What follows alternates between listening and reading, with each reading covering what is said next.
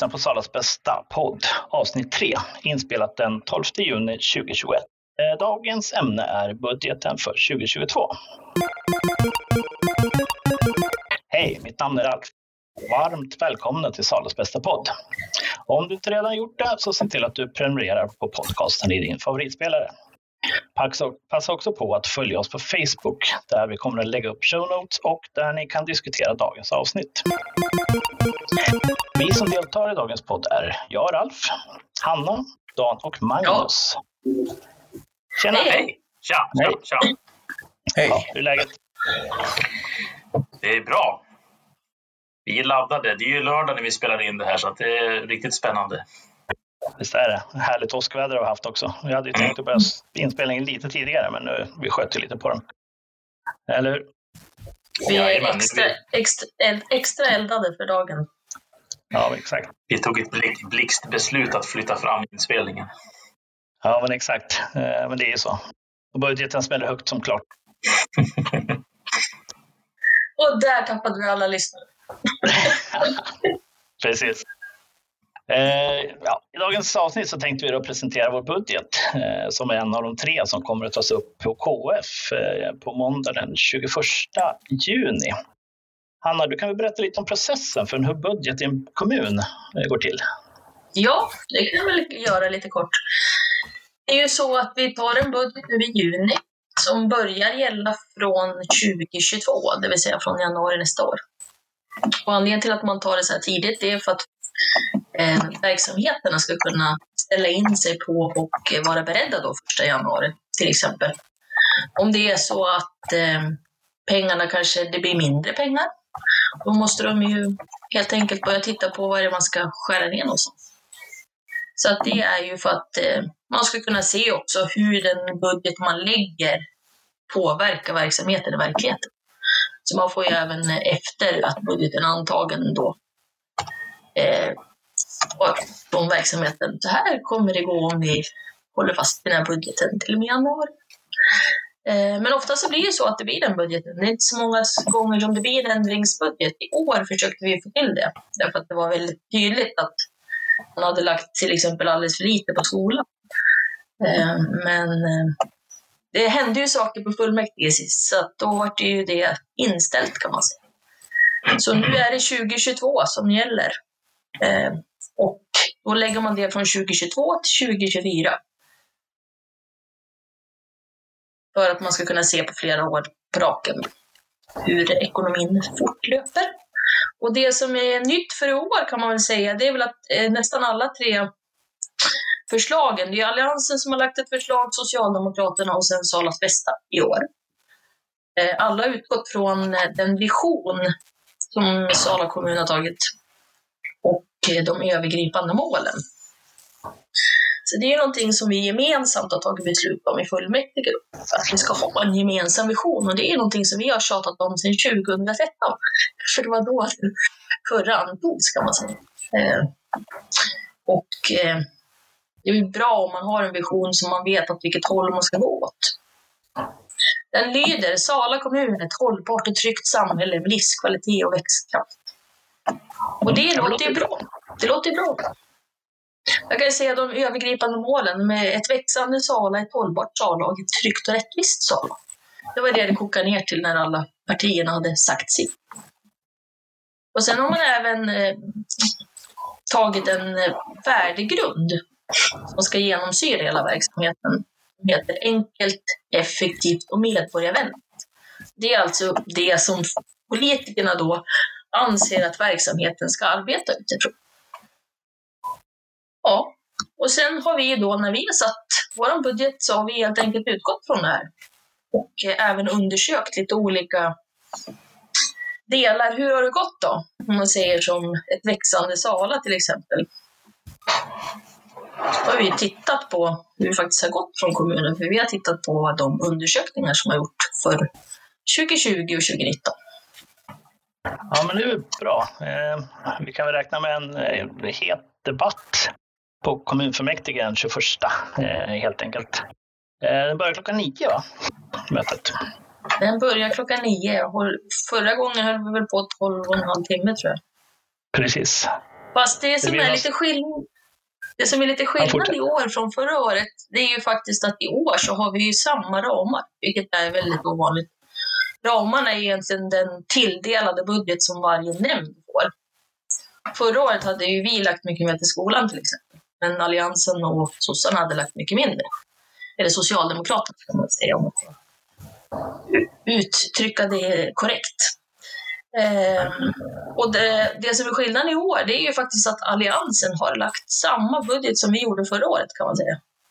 Så att nu får ju skolan en väldigt bra ram att utgå ifrån. De behöver inte spara i år. Ehm, ja, och det gjorde ju så att vi faktiskt kände att vi inte heller behövde ändra på ramarna. Eller vad säger ni andra? Nej, men jag tycker väl också att vi ligger väl bra till så. Eh, som sagt, det finns, finns alltid saker eh, som, eh, man, som, inte, ja, som man kanske inte är helt nöjd med, inte, även i sin egen budget. Men det är ju så, man har ju en viss summa pengar i påsen att eh, fördela och eh, det är ju det, är ju det det går ut på. Men vi ska väl gå igenom vår budget lite mer här, eh, eller hur? Anna, du kanske kan dra vår vision och, eh, om skola och eh, vård och omsorgsnämnden och de bitarna. Ja, absolut. Jag tänkte bara först, vi har ju utgått från att vi ska vara en växande kommun. Så har jag ju snabbtittat lite på olika mått som man kan titta på. Så jag tänkte jag kan ju dra dem lite först för att se vad, vad vi har, varför vi har gjort som vi har gjort. Eh, och när det gäller växande Sala så har ju befolkningsväxten faktiskt legat positivt sedan 2010 kan man säga. Sen har den ökat och sen förra året så gick det ner första gången på hur lång tid som helst för att sedan i år öka igen, vilket är lite positivt. Så nu är vi faktiskt 22 896 personer senaste för första kvartalet för 2021. Och det är faktiskt någonting som är positivt. Jag tänkte Magnus skulle få gå in på lite mer om varför eh, det är bra med hög befolkningsväxt. Befolkningstillväxt heter det. Tittar man på arbetslösheten så har det ju varit coronaår och då kan man ju självklart se att hela Sverige har fått ökad arbetslöshet. Men Sala ligger även där eh, sämre till än, än rikssnittet, vilket inte är bra. Och som det är idag så är det ju så att de delar i kommunen som jobbar med arbetslöshet, de ligger ju faktiskt under skolan de också. Det kan ju vara bra att tillägga. Arbetstillfällen, där har det varit, eh, ska vi se, Sala låg 2019 bland de 25 bästa kommunerna i Sverige med 16 nystartade arbetsställen. 2020 minskade Salas siffror till 15,1 och i, och i och med det så hamnade Sala på samma siffra som medelvärdet för alla kommuner. Men under rikssnittet som är 15 och 17 15,7. Det är alltså en indikator som pekar på att etableringsarbete måste gå upp.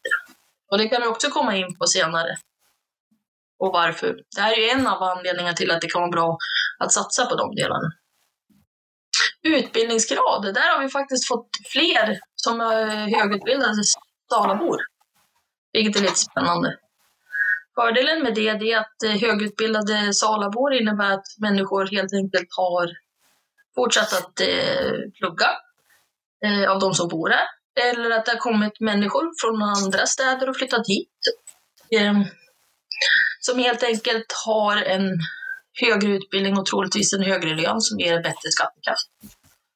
Det är någonting positivt. Um, nya bostäder har också ökat.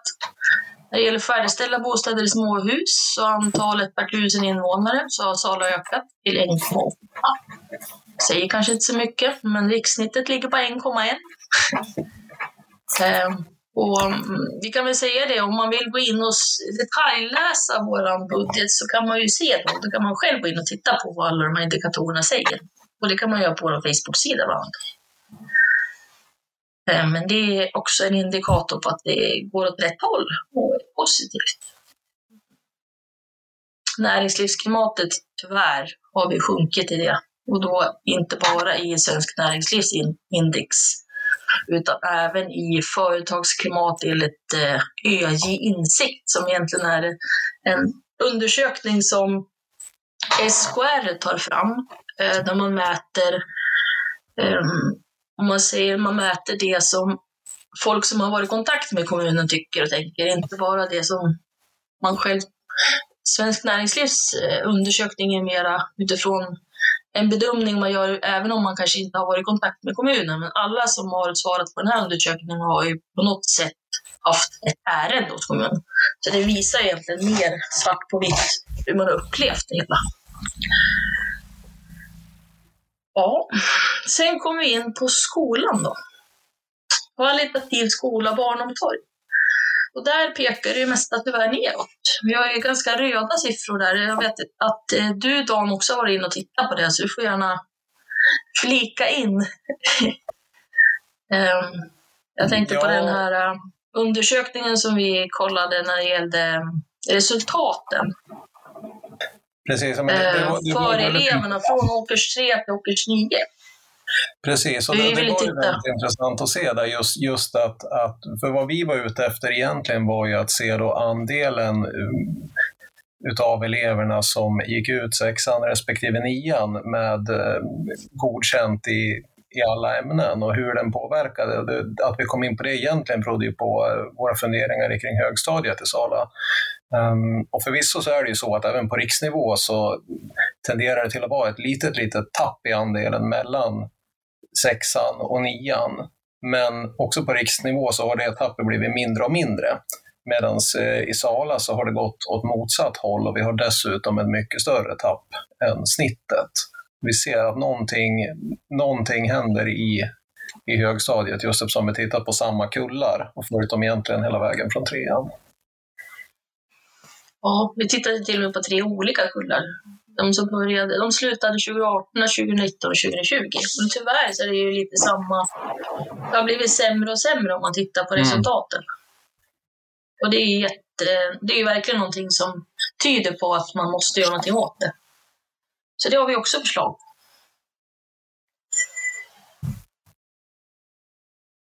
Ja.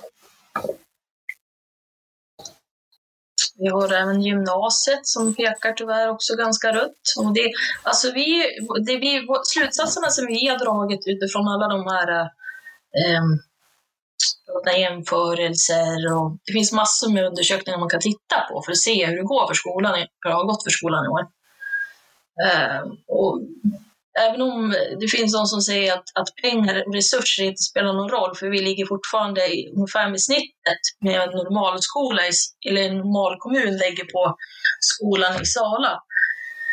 Eh, så vet vi också att vi har en struktur inom skolan som är ganska kostnadsdrivande eftersom vi har valt att ha flera mindre skolor kvar. Eh, så att när man har skurit ner på eh, skolan så innebär ju det att det är verksamheten som blir drabbad. Man får ju färre och färre lärare så länge man behåller som man har.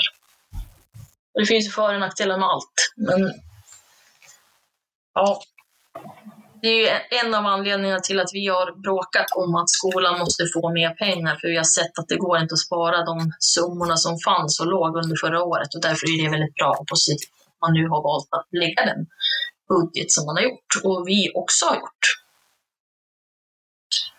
Tittar man på vad vi vill satsa inom skolan så är det ganska tydligt då. De elever som drabbas hårdast, det är elever som har ja, de som inte kommer till skolan, de som eh, hemmasittare kallas de. Eller elever som är, kanske inte hör till särskolan men behöver särskilt stöd eller specialstöd de skulle också behöva mer hjälp. Och där har vi börjat titta på, vi skulle väldigt gärna vilja få till någon slags resursskola, för det finns, finns någonting som heter så, som man skulle kunna använda sig av.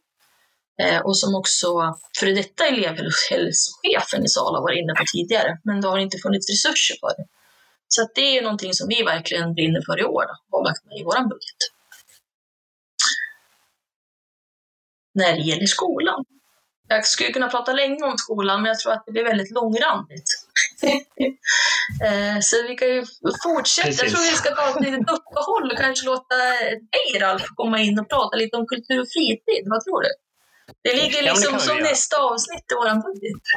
ja, Det vore dumt lite kvartsittning så att säga. Ja, exakt. precis. Eh, vi ska inte köpa övertid här. Eh, nej, men eh, skolan är ju ett hett ämne och det finns ju mycket att säga. Jag håller med dig där, Hanna. Men det, det finns ju jättemycket att läsa i vår budget också. Men det, det var ju bra, en bra översikt av det. Men vi kan gå in på kultur och fritid. Kultur och fritid är ju, det är ju en liten lillebror egentligen på sätt och vis av de nämnderna som finns i Sala. Eh, den är ju bara en tiondel så stor ungefär som vård och omsorgsnämnden eller utbildnings och arbetsmarknadsnämnden eh, som då är i stort sett är skolan kan man väl säga. Och, eh, så att procentuellt, om man tittar på en tilldelning på en miljon till kultur och fritid så är det ungefär lika mycket som typ 10 miljoner då, i de övriga två nämnderna. Så eh, det är ju, det slår ju väldigt mycket det, de bitarna man gör och eh, det man ger som tilldelning. Eh, vi har ju, Kultur och fritid tog ju över Kulturskolans verksamhet under 2020 och har jobbat med den nu under eh, 2021 också. Och den, där märker man ju lite det här eh, att eh, den får ju den blir, den blir ju svårare så att säga att hantera i och med att det är lite ja, hur anställningar av personal går till och sådana saker i och med att det är bland annat kanske musiklärare som har tjänst i skolan som sen också gör jobb i kulturskolan och eh, den här heltidsmålen som finns gör det att man måste försöka fylla upp det på något sätt. Eh, men där vill vi, ju, vi vill ju satsa på kulturskolan eh, också eh, såklart och att eh, det finns en del skrivningar om det så säger vår budget. Eh, Ja, det vi, vi har ju säkerställt, i och med att vi vet att Alliansen också säkerställde det i sin budget, så vet vi att de pengarna finns även i våran. Så att det, Precis, det gör det. Är att vi förtydligar det i vår text, att vi tycker att det är viktigt att den här skoldelen inte ska skäras ner. Precis, och där trycker vi väldigt mycket på också i budgeten att samverkan mellan delarna eh, mellan nämnder som, som har kanske då som Kulturskolan som har då delar både i skolan och i kulturfritidsnämnder. Där måste samverkan bli bättre och man måste hitta lösningar sam, snabbare och kanske inte rå om sitt eget revir så mycket som man kanske gör ibland. Eh, det kan ju bli lätt så. Eh, och det är ju, den är ju viktig eh, och det är faktiskt många delar som vi har i vår kultur och fritidsnämndsbudget att samverkan är viktig och att man får till den på eh, olika nivåer. Eh, till exempel mellan föreningsliv, eh, civilsamhället, eh, företagare. Där finns det mycket att göra. man kan hjälpa varandra. Så att, där har vi exempel med... Ja, fortsätt. Nej, berätta du. ja, men exakt. Det har man exempel med paddelarenor eh, som har byggts och sånt som gör att man... Eh, ja, det, det är bra för eh, den hela, för hälsan för alla, så att säga. Även om vi har fått en jätteny och fin hall i sporthallen så är det ju fortfarande problem med bokningar för, för privatpersoner och företag. Eh, I och med att vi har ett sånt rikt föreningsliv i Sala. Och, eh, det är ju jättebra att vi har ett, så många olika idrotter som vill vara inne och eh, träna och eh, köra, liksom, göra sin verksamhet. Men eh, det blir ju det är ju mycket som slåss om. Ja, jag tänkte på det apropå hallar. Jag, senast idag var jag faktiskt ute i Kumlaområdet och tittade på Tärna folkhögskola. Där finns det en stor fin grön eh, fotbollsplan och så finns det en relativt stor idrottshall som också kommunen kan jag tycka borde skriva avtal med regionen att den kan nyttjas även för föreningarna så att vi liksom kommer runt det här som du sa nyss så att eh, det är brist på halvtider. Precis, för där har vi ju rätt intressant sak som håller på med nu. För regionen håller på att göra en eh, idrottsplan som ska gälla för hela regionen. Och där tas det upp lite det här om att man ska utnyttja varandras resurser på ett helt annat och mycket bättre sätt. För det kan ju vara så att, som du säger, Tärna, där finns det någonting som regionen har som kanske står tomt ibland, eller rätt ofta kanske under vissa perioder, att man kan använda de, de eh, faciliteterna för vissa saker och att man även kanske kan använda någonting i Västerås eller det kan vara för att om man har sånt som inte finns i Sala så att man på det sättet kan, kan eh, ja, man måste samarbeta bättre i regionen och det tror jag kan vara bra.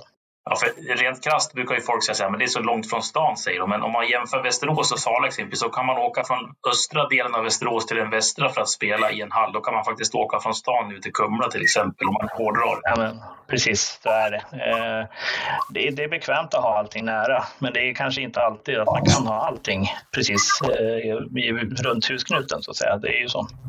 Nej, och, så, och samtidigt så finns det ju ganska mycket nu, i alla fall södra delarna, när man satsar både på idrottshall paddelhall ska de bygga också nu. Eh, och sen så har vi då Tärna med sina faciliteter.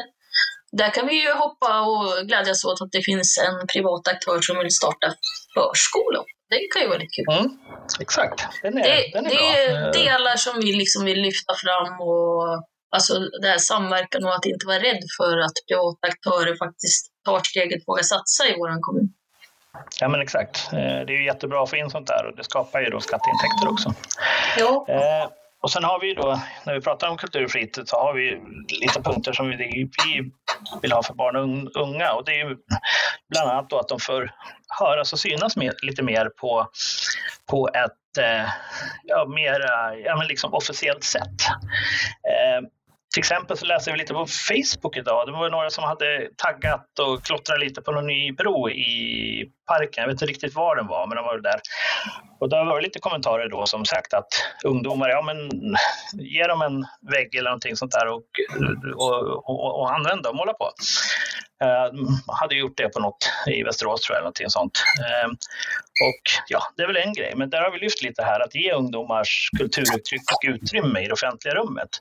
Uh, att man ska kunna ordna utställningar och det av konst som ungdomar gör eller att de får, de får visa upp sig mer. Alltså, så det, det, vi, det är en bra sak tycker vi som vi kan få med.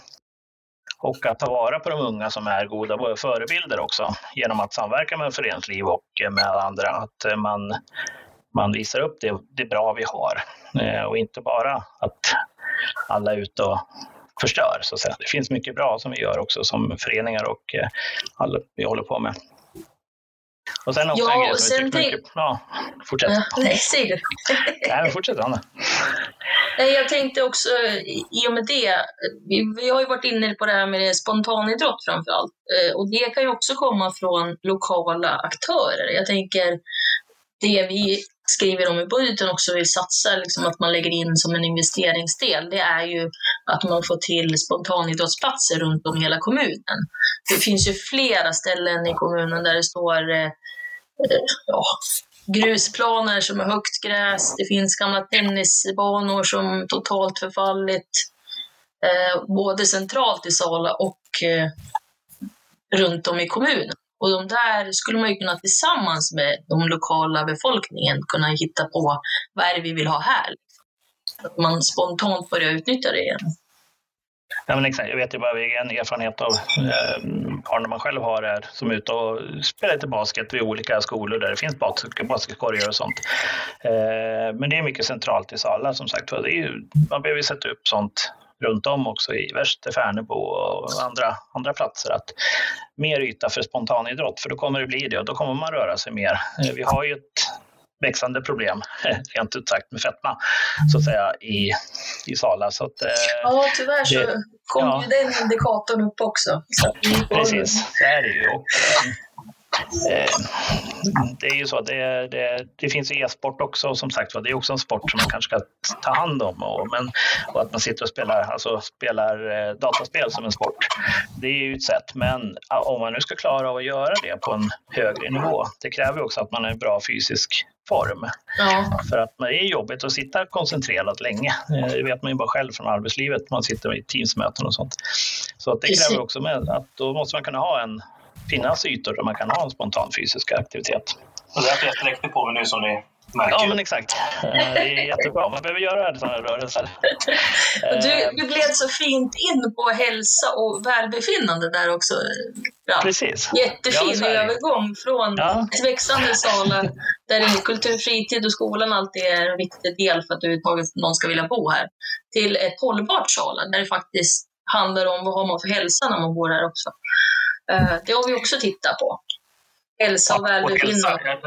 jag skjuter in det apropå hälsa. Lyssnarna kanske inte förstår det, men vi sitter alltså inte i någon studio tillsammans. Vi sitter alltså i dessa tider var för sig hemma hos, hos oss själva och spelar in detta program så att ni vet att vi tar Folkhälsomyndighetens eh, direktiv på allvar även i partiet och har inga fysiska möten. Det kan, det kan någon, bra klargöra. någon, gång, någon gång senare i höst kanske man kan köra att det, spelar inte samman så att säga, men eh, som det är nu så får vi göra så här.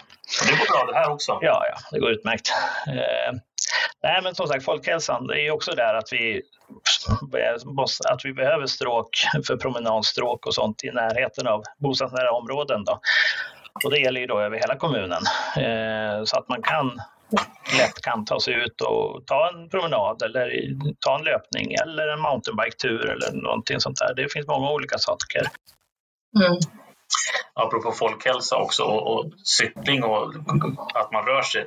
Det är positivt nu också att Trafikverket och Sala kommun har kommit överens om att man ska binda ihop, i alla fall i det här skedet, Sala, Kumla, Ranstad på sikt här nu med ett cykelvägnät då, som gör att till exempel boende i Kumla kan ta sig till Eljusspåret som ligger mellan Kumla och Ranstad på skogen. Och att eh, på sikt också kommer bli en cykelväg ut med den planerade 2 plus 1-vägen som ska dras mellan Sala och Heby. Det gör ju att man får ett gång och cykelstråk som sträcker sig från Morgongåva vidare via Heby till Sala och Kumla och Ranstad. Och på sikt är väl tanken att man ska kunna faktiskt cykla mot Västerås. Jag har sett något dokument att man ska kunna ta sig per cykel från Sala till Västerås ja, via småvägar. Ja, Dan, hade du ja, Jag tänkte bara på, just när du nämnde det här med, med exempelvis att, att um, man ska kunna ut på spontana promenader och promenadspråk och så vidare. Men där kommer, kommer man också in lite grann på trygghetsaspekten som är också en del utav, utav visionen. Det är någonting där vi också såg indikation, eh, de indikationerna Hanna pratade om att Sala dessvärre ligger ganska dåligt till när det gäller, när det gäller den upplevda tryggheten. Om det var 30 procent utav invånarna som aktivt valde att inte gå ut själva. Jag kommer inte ihåg i hur stor utsträckning, men ändå, vilket ju dessvärre är värre än, än rikssnittet. Vi ligger till och med bland de 25 otryggaste kommunerna i Sverige mm. tyvärr, vilket är riktigt, riktigt illa. Så det är ju verkligen någonting som man behöver ta tag i.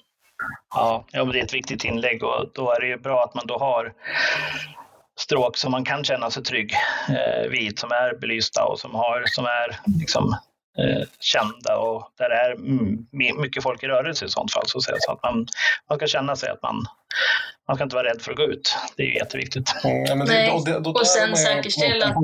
Då, om, om flera är ute, så att säga. Om du säger att det blir som kända stråk där människor motionerar i större omfattning, då kan det ju bli en, en positiv spiral. Men man måste ju då komma till den punkten att folk faktiskt känner sig trygga nog att börja.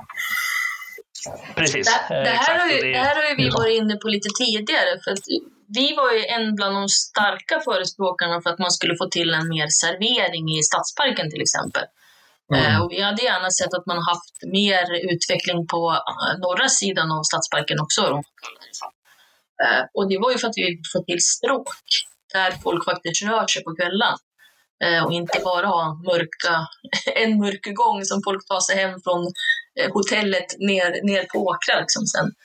Eh, så det där är ju, det har ju också ihop med hur vi bygger våran stad, hur vi samhällsplanerar och att vi faktiskt ser till så att det finns etabler, etablerade företag som vågar utvecklas. Och det är jättekul att Matoprata har vågat trots att det dessutom kom en härlig eh, pandemi på alla restaurangägare. Ja.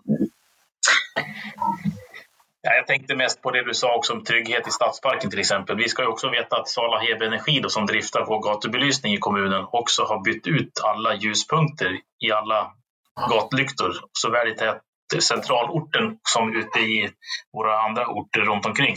Och där, vad jag förstår, dels så sparar man ju ström då genom att man har LED-belysning, men där kan man också enskilt styra så att man får starkare belysning vid vissa tillfällen, till exempel i stadsparken. Så vid otrygga tillfällen så ska man alltså kunna öka på belysningseffekten för att göra att folk känner sig tryggare. Det tycker jag också är bra. Ja, men det, bra, det bra finns input. mycket. Ja, men det är jättebra. Det finns mycket sådana grejer. Eh, precis, sen har vi då lite om eh, bibliotek. Eh, det är ju en viktig funktion som vi har i, i kommunen. Eh, där är det mycket då som att eh, biblioteket måste vara öppet när kommuninvånarna behöver, vill det, eh, när de kan ta sig dit. Eh, det är ju, och att den kanske kan ta sig dit de är. Vi har ju bokbussar och sånt som, som gör ett jättebra jobb och en, har en otroligt bra service. Eh, men det är någonting vi får fortsätta att värna om. Sen är det ju lite spännande inom kultur och fritid. Man har ju testat den här nya lösningen i Ranstad där man har kort när man kommer in. Va? Precis. Det vore ju intressant. intressant att ha på fler ställen kanske i framtiden. Ja, Exakt. Eh, det gäller ju då att eh, den lokalen där biblioteket är ligger på rätt ställe. Eh, det har ju pratats om att man kanske kan ha det på andra ställen, men oftast kan det säga att biblioteket ligger längst in i en skola eller någonting sånt där, eller i en lokal, och då kan det bli lite svårt. Utan det, I Ranstad har man ju det så bra att det är en egen ingång dit, så att, eh, det funkar ju. Så. Men det är, det är också någonting att tänka till om, att man kan utnyttja eh, det på det sättet. Eh, för då, då är det ju öppet jämt i stort sett. Så att säga. Då kan man ju gå dit när man behöver. Precis. Eh, det främjar, främjar ju läsandet väldigt mycket. Eh, så att det, den är jätteviktig. Eh, helt klart. Ja. Och tittar man på den sociala hållbarheten lite mer så är det ju ganska tydligt. Dan var inne på det att Sala ligger riktigt illa till. vi har ju försökt trycka på det här. Vi skrev motioner redan 2019 och de har ju tyvärr inte ens blivit behandlade än, så vi har ju tagit med det i år igen. Eh, det handlar ju om att eh, det, inom hem, hemlöshet så är det ju ganska stor, alltså det är utstängning. Man har inte tagit tag, det finns akuthjälp. Många av de här punkterna som social, Socialstyrelsen eh, har med sina enkätundersökningar ligger vi på röda siffror. Alltså det, det, saknas hos oss. Det finns liksom ingen som har tid att ta tag i det. Och jag har full förståelse varför vård och omsorg till exempel inte har arbetat med det här eh, under den här tiden på grund av pandemin säkert. Eh, men eh, det är ju definitivt någonting som vi måste göra någonting åt. För menar, det har ju också med säkerhet att göra eh, och trygghet, både för de som är drabbade och och för andra. Och tittar man på, på vad heter det, folk som eh, blir tvungna att flytta från sina hus så ligger Sala också väldigt högt. Vi har haft många familjer som har fått flytta hemifrån och där har man inte heller enligt samma enkät eller liknande enkät tagit tag i det inom Sala. Så det finns massor att göra inom de här områdena. Och det är lite därför som vi har med ett förslag på att man ska ha Förutom de delarna så är det även våld inom nära relationer. Det hör ju också ihop med trygghet. Ehm, men allt det här skulle man ju kunna kanske ta tag i och jobba lite mer strategiskt, hur man kan lösa sådana här situationer. Kanske någon som följer upp och ser hur går det för Sala, hur kan vi göra det bättre? Det är därför vi har tagit med det här med jämlikhetssteg, eller någon slags koordinator som finns lite mer centralt i kommunen som kan underlätta för cheferna så att de får liksom lite mera, både någon att vända sig till, någon som kanske kan söka statliga bidrag åt dem eh, och starta olika projekt, inte projekt, men få igång eh, arbeten som gör att man, att man faktiskt förbättrar siffrorna för Sala och förbättrar tryggheten i Sala. För att bara säga att man ska, nu ska vi satsa på våld i nära relationer och sen inte ha någonting att komma med, då, det, det kommer inte funka, utan vi måste ju ha någon som styr det, liksom. någon som tar tag i problemen. Därför har vi tagit med det som en del av vår budget. Mm, ja, men det låter jättebra. Och, eh, precis. Dan, eh, vill du prata om? Ja, Ge mig ett ögonblick, ursäkta. Måste ha lite ström ja. att, uh... Reta, Resa sig upp. Ja, precis. Jag har katt i knät också. Ja, nu stack hon faktiskt. Hon har legat här och det börjar bli lite varmt. Ilsk var hon också. Uh, så ska vi se. Nej, men det som, det, det som jag först tänkte orda lite om, något så spännande som vårt avsnitt om en förstärkt avtalshanteringsfunktion i kommunen. Um, som sagt, det låter lagom spännande, men vad det kokar ner till är att det finns möjlighet för kommunen att lära lite utav dels näringslivet kan man tänka, där det här är, är i princip standard, men även, även eh, andra kommuner.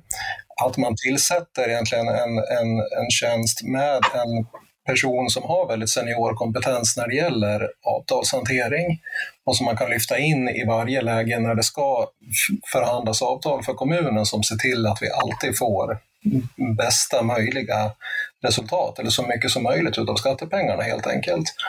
Och som därtill givetvis ser till att avtalen upphandlas enligt alla konstens regler så vi inte hamnar i sådana här tråkiga situationer där det kommer viten och annat gentemot kommunen på tapeten.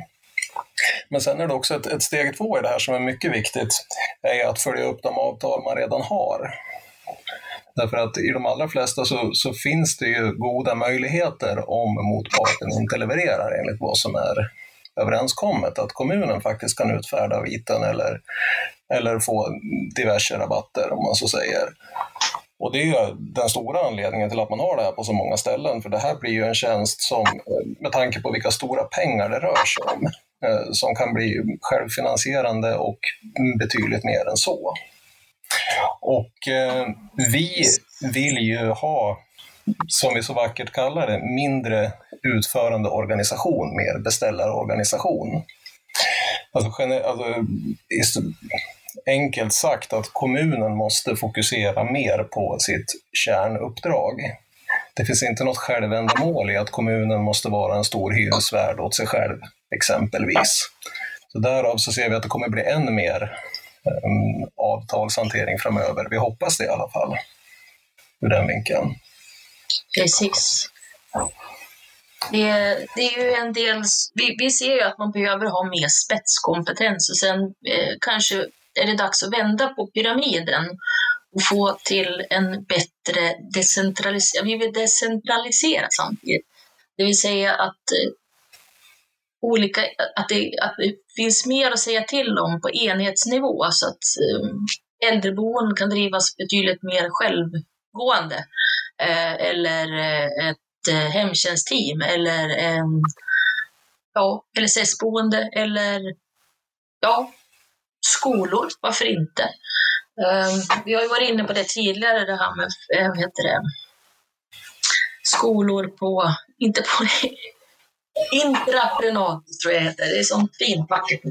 Men det är egentligen eh, att man eh, låter rektor, rektorerna och, och lärarlaget få betydligt mer att säga till om när det gäller deras egna beslut. Eh, så att det inte är lika centralstyrt allting. För det är en av problemen med de här centralstyrda eh, organisationen som vi haft tidigare, det är att det tar väldigt lång tid innan beslut kommer fram. Och det är inte tjänstepersonernas fel, utan oftast är det att det tar väldigt lång tid genom eh, att det ska vara en politisk behandling av det.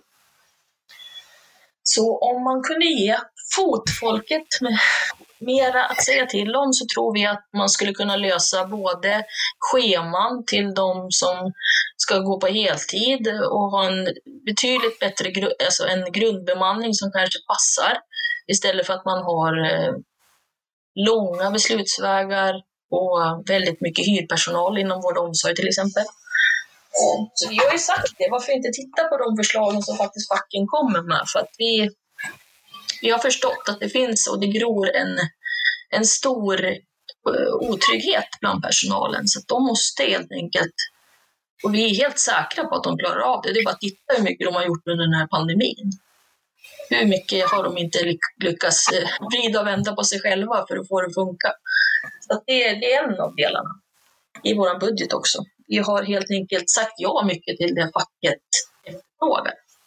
Sen en liten sak just i den biten, det är också det här med eh, skyddskläder. Eh, skolan har ju varit befriad, eller vad man ska säga. De har inte fått skyddskläder i samma utsträckning. De kanske har fått dem om de har velat, men Eh, det har varit stor efterfrågan i Sverige generellt eftersom. Eh, och när det gäller fritidspersonal och förskolepersonal så har det ju liksom varit väldigt olika på olika enheter om man har fått förs, liksom, eh, arbetskläder eller inte. Och fördelen med arbetskläder och skyddskläder är ju att man faktiskt eh, får en annan process. Eh, man får mera både slipper man ha sina egna kläder, man slipper ta med sig sjukdomar hem. Så att på det sättet kanske man till och med kan få ner eh, vikariekostnaden inom förskolan genom att helt enkelt ge dem den möjligheten. Som sagt, vissa har det, vissa har det inte. Så det också, har vi också med i vår budget som en del. Ja, det var inom vård och omsorg som jag tryckte in det lite fint sådär genom spinna vidare på Dans av, avfallshantering. Ja, men exakt. Eh, ja. Du glider in på det lite. Du får in din ämnena lite var här och var. Så här. Men ja, jag tänkte, då slipper det bli så långt på slutet. Ja. Um, men, Tanken ja. är väl också att eh, vi ska, det, det är samverkan. Vi pratar ju mycket om det, liksom, att man ska utnyttja de resurserna som finns och de som är bra på det de gör. Och Exakt. Så, så det, det, det, vi, vi vill satsa på välfärdshjältarna helt enkelt. Det är det ja, vi vill göra. Det. Ja, helt, och det är det vi har gjort i vår budget. Precis. Eh, men Magnus, eh, du vill har... prata om eh, någonting intressant också. Ja, precis. Mange, du har ju hela den här näringslivsdelen kvar nu. För det är ju en annan stor, stol, en annan stor del av det som faktiskt vi lyfter. Etableringsarbetet behövs ju. Exakt, och det är så här att eh, man kanske inte tänker på hur viktig del näringslivet är för att vi ska ha en välmående kommun i övrigt. För att med eh, ett stort antal företag som finns etablerade som kan skapa arbetstillfällen i vår kommun så har vi också en bra utväxling i skatteintäkter utifrån att folk tjänar pengar på det de gör dagarna. Och då pratar vi inte enbart småföretagsamhet i form av eh, hantverkare och eh, tjänsteföretag. Det gäller även handel. Vi har ju stöttat ett eh, fint projekt som har startat upp innan pandemin som heter Handlingskraft Sala. Det är för att påvisa hur viktig den lokala handeln är för en kommun som Sala. Då pratar vi inte enbart centralorten. Handlingskraft omfattar ju även våra mindre orter runt omkring där det också finns handel, fast kanske inte lika om stor omfattning som inne i stan naturligtvis. Sala har ju faktiskt vuxit handelsmässigt de senaste åren. Vi har fått fler och fler etableringar. Sen galleri, Gallerian till exempel startade, eller öppnade 2008 så har ju andra aktörer också kommit på Fridhem. Och vårt parti har ju också sagt att vi vill inte ha sällanköpshandel ligga externt, till exempel vid Evelund. Evelund ser vi som ett utvecklingsområde för logistik och för eh, annan typ av verksamhet som är kopplad till ett bra läge vid de två riksvägarna som möts vid Evelund. Personligen tycker jag väl att det är synd att det inte har hänt mer på det området. Vi i vårt parti var ju de som drev fram att det skulle köpas in mark för just etableringar. Nu verkar det som att en detaljplan är under vardande och vi hoppas väl från vårt parti att vi i Sala kan också få se samma positiva spiral som till exempel Enköping och Strängnäs har haft utifrån att man har logistiklägen och viss verksamhet ligger i ett sådant läge som just Evelund är. Sen hoppas vi också att det blir en, eh, någon form av serviceanläggning. För vi har ju, Sala har ju tyvärr tappat ett antal etableringar som har funnits. Till exempel dåvarande Statoil och det som kallades för Silverasten. Så vi kan väl hoppas att, att eh, en etablering vid eh, Evelund också skapar dels arbetstillfällen men också blir en mötesplats för både egna boende i den delen av kommunen som kan åka dit och handla men också för vägfarare. Vi ser ju redan idag att platsen är väldigt välfrekventerad av tyngre fordon som stannar och väljer Sala som en viloplats. Och det är egentligen stor synd och skam att vi inte har någon etablering där, kan jag tycka. Ja, tänk att få till en etablering där och med bra laddplatser i och med att elbilsutvecklingen är ju ja, den, den går ju bara snabbare och snabbare. Eh, men det är ju laddplatser som krävs och behövs och då snabb, för snabbladdning för att kunna få det bra. Det där är ett utmärkt ställe för, för pendlare, eh, eller de som åker Dalarna och Stockholm. Och, ja, det är ett perfekt ställe att kunna få ett stopp och kunna informera om Sala också och kunna få in dem kanske in i tätorten också. Exakt, det, finns det är en del... lite just nu, Sala, när man åker den vägen. Precis, det blir ju det. Så att, det, det vi det har gjort konkret, eh, om man ska gå konkret från ord till handling som, som vi brukar säga så fint på dagen, faktiskt myntad, eh, så är det ju faktiskt så att vi har ju lagt in i vår budget att vi ska ta fram markreserver för handelsutveckling. För det saknas ju i, i det pågående ÖP-arbetet. Översiktsplaneringen för hela kommunen. Um, eller saknas, det i alla fall inte kommit upp till ytan än. Eh, det kan hända att de jobbar med det fast de inte har redovisat det. Vi hoppas på det. Eh, men nu har vi i alla fall skrivit in det, att vi vill ha med det i vår budget. Eh, och sen så har vi också lagt in att vi måste förstärka näringslivskontoret med någon slags företagsetablering. Etablerare menar jag såklart. En, en säljande struktur. Ja, exakt. Det plus det här med att man måste fokusera mer på att få till möjligheten för lokala eh, företag att delta i de offentliga upphandlingarna. Det har vi också haft med som är Jag har ju varit aktiv, det, det skrev jag redan 2000, ja i förra året budget var det med också. Men eh, där finns det fortfarande utvecklingspotential utifrån saker som har hänt. Men det ser ju bättre och bättre ut tycker jag. Vad tycker du Mange? Jo, absolut.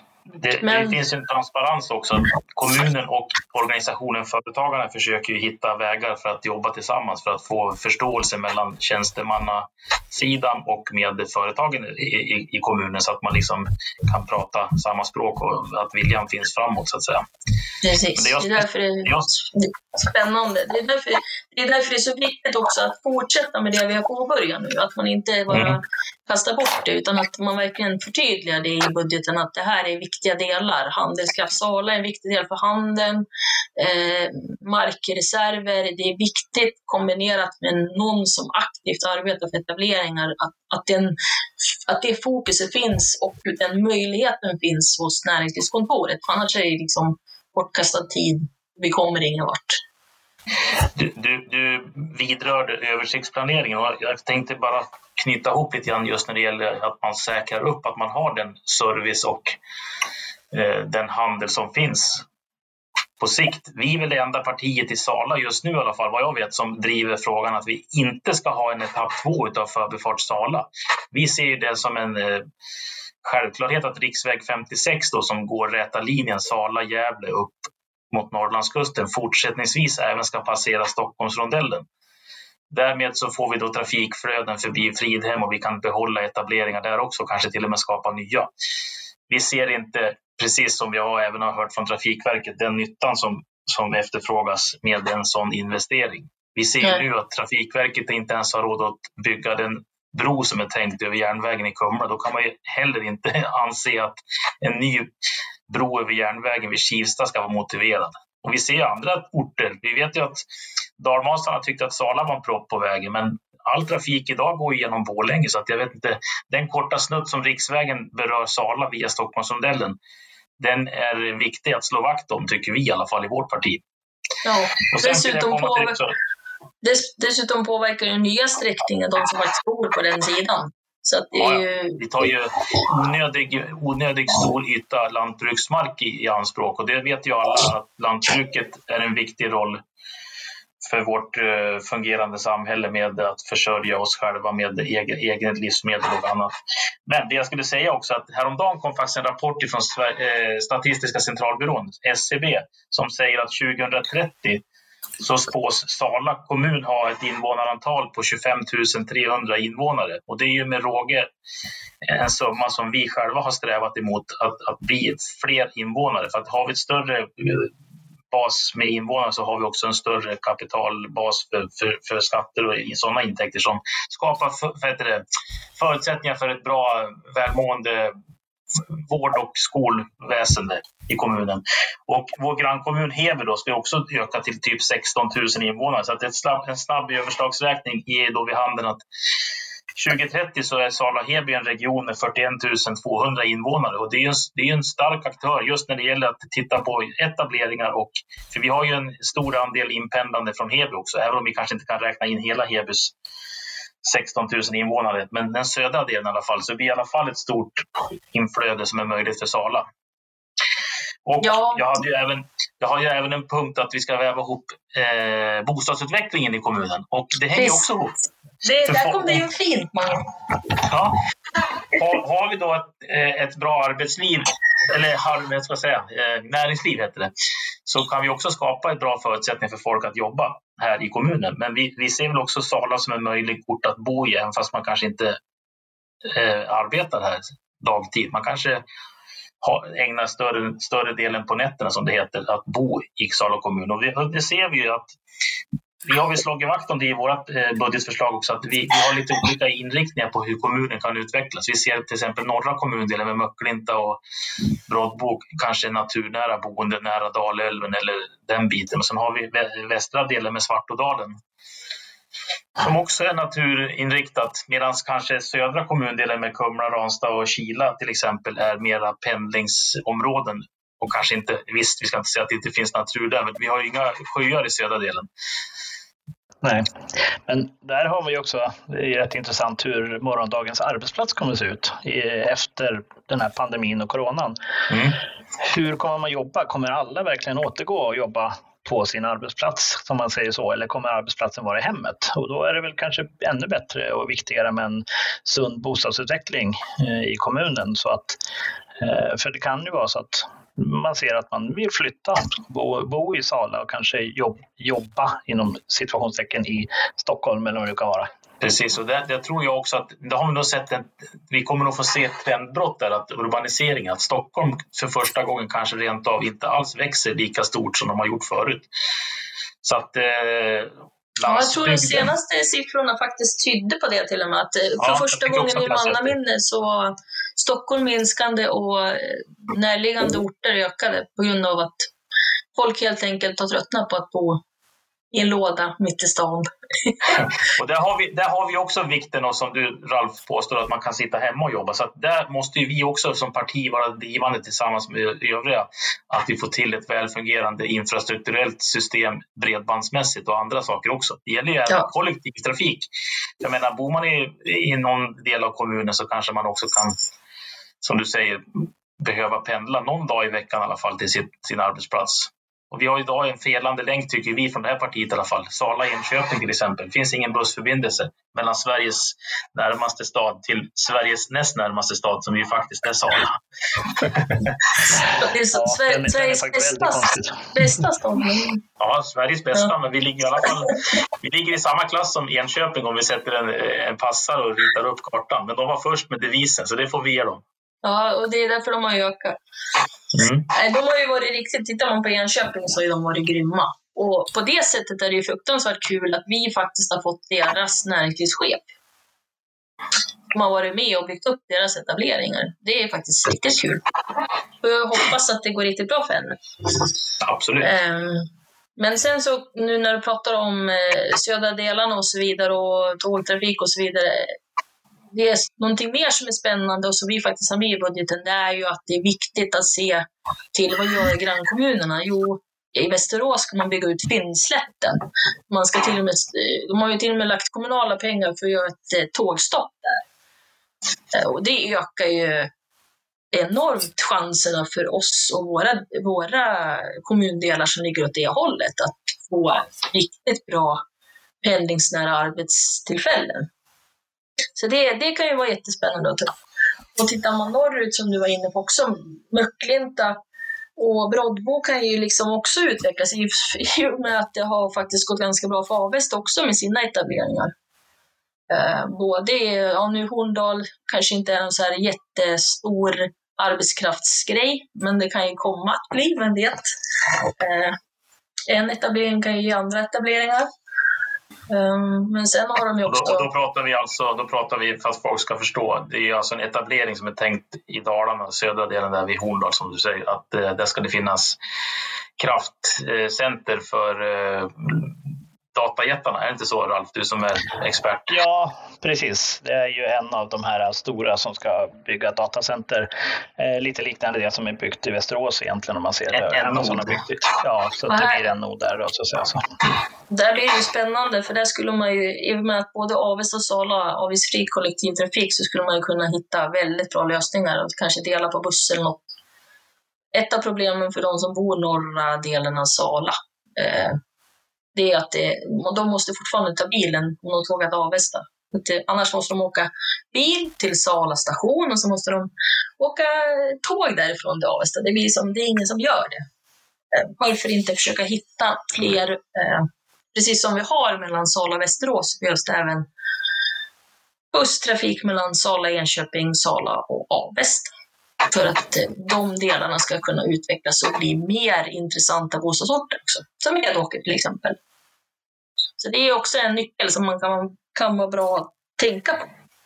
Vi har väl sagt det, alltså vi, i vårt parti så förespråkar vi att vi utvecklar respektive område utifrån de förutsättningar som finns där. Nu har vi inte nämnt, nu sa jag ju bara massa kommundelar utanför stan.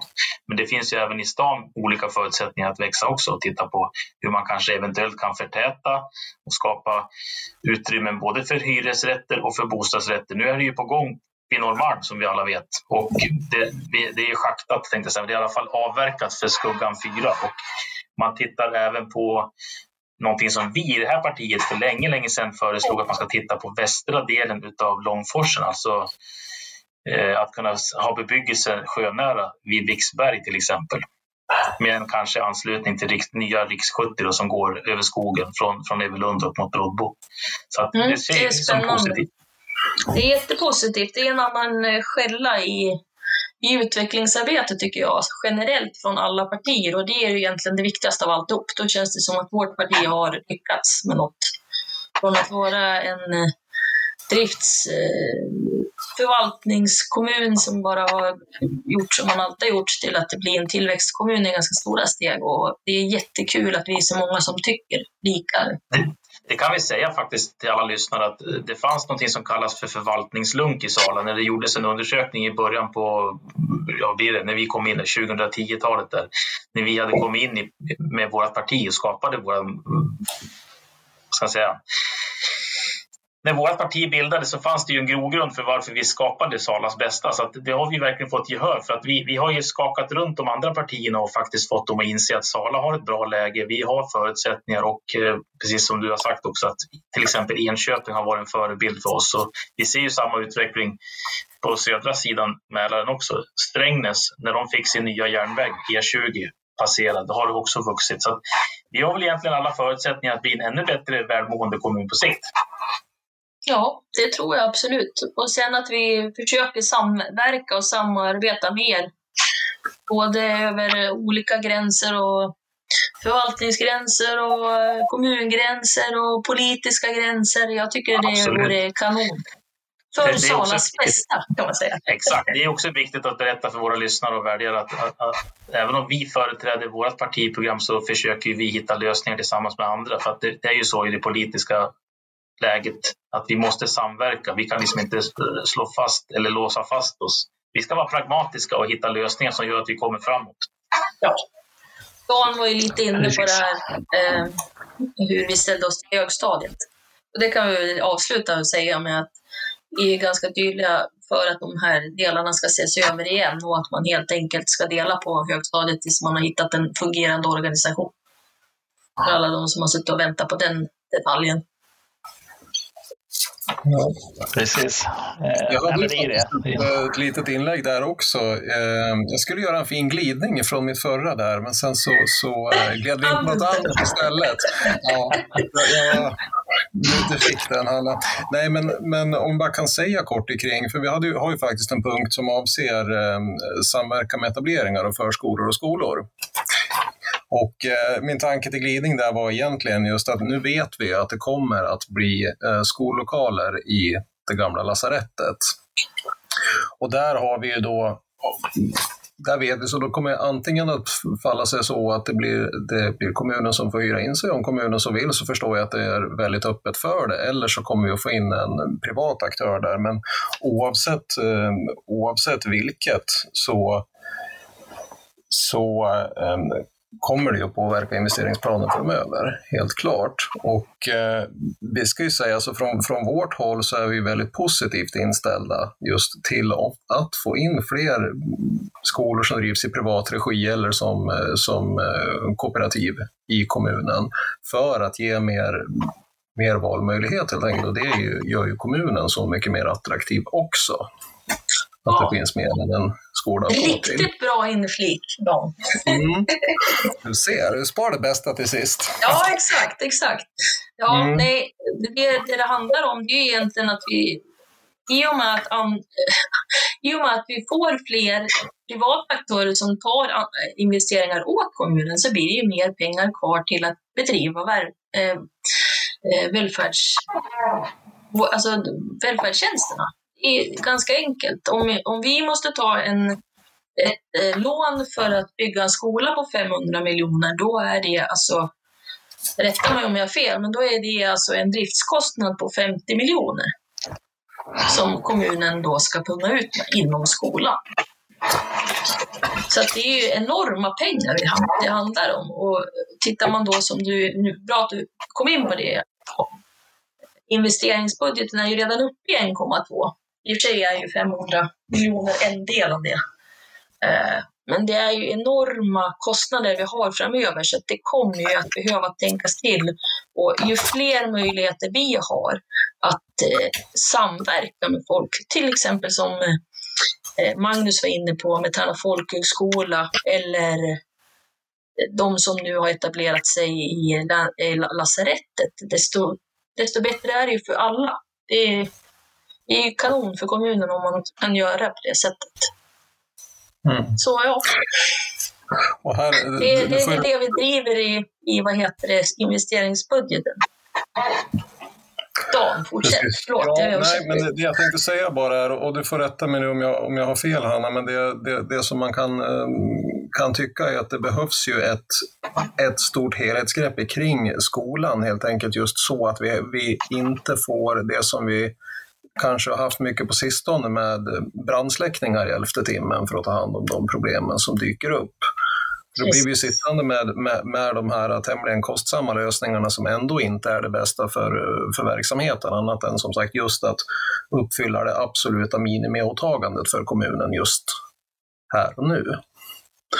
Och det går, går igen också, ska bara säga det, att samma sak som vi just har sagt egentligen gäller också för förskolorna, där vi ser att det är så pass små kullar just nu så kommunen behöver se, se över sitt, eh, sitt lokalbestånd lite grann. Och sen om man får, om vi då kan lyckas få hit fler privata aktörer så kan det hjälpa till längre fram också när eh, kullarna återigen blir större utan att kommunen återigen behöver göra en lösning i elfte timmen som blir dyr för att skaffa fram lämpliga lokaler.